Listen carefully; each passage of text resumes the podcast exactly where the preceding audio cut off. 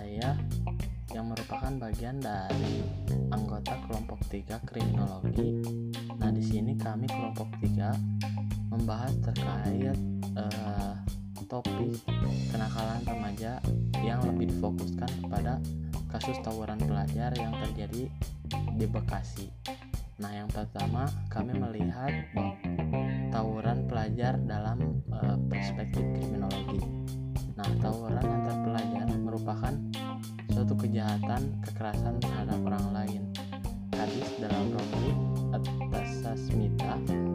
mengkategorikan kekerasan menjadi dua tipe, yaitu kekerasan yang terjadi secara individual, misalnya pembunuhan, lalu ada juga kekerasan yang terjadi secara kolektif, misalnya perkelahian perkelahian antar geng atau remaja yang menimbulkan kerusakan harta benda atau luka-luka berat serta kematian.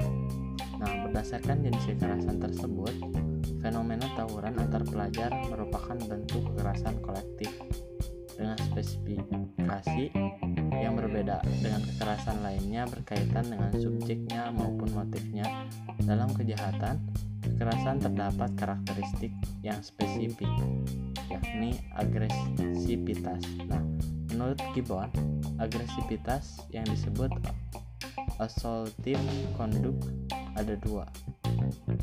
Yang pertama adalah situational or subcultural in character dan yang kedua adalah individualistic or psychogenic in character.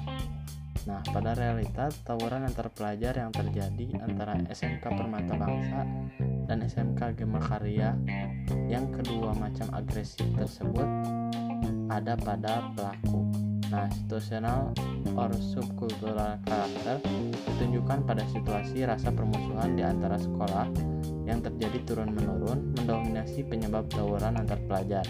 Di samping itu, lingkungan sekolah dan di luar sekolah atau masyarakat ikut pula menyumbang agresivitas siswa untuk melakukan tawuran.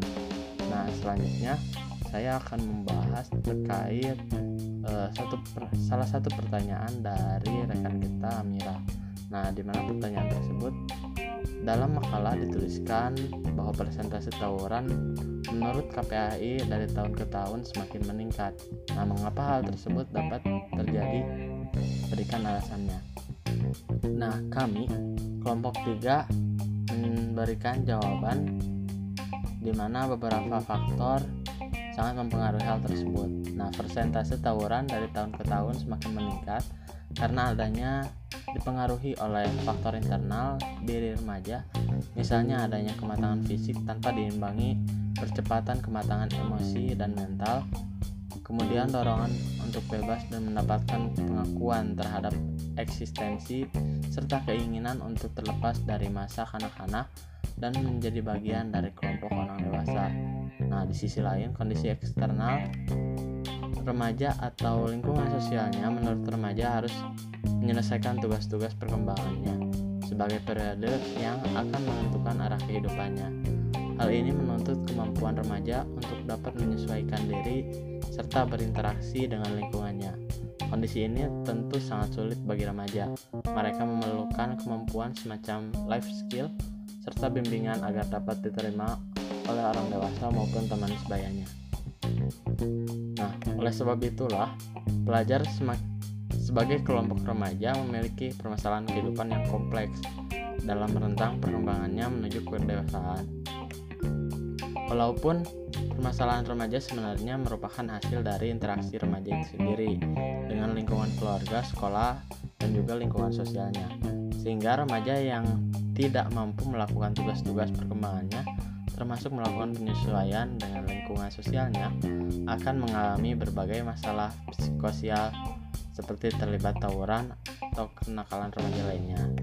Nah, belum lagi di sini mengapa e, tawuran semakin meningkat.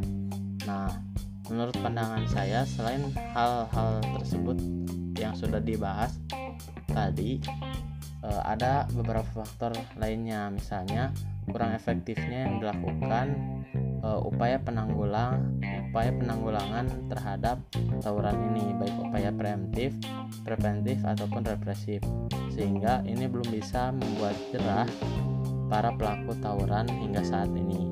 Nah, mungkin cukup sekian yang dapat saya sampaikan terkait uh, apa yang dipaparkan oleh kelompok tiga ini. Semoga sedikit banyaknya memberi manfaat kepada teman-teman semua.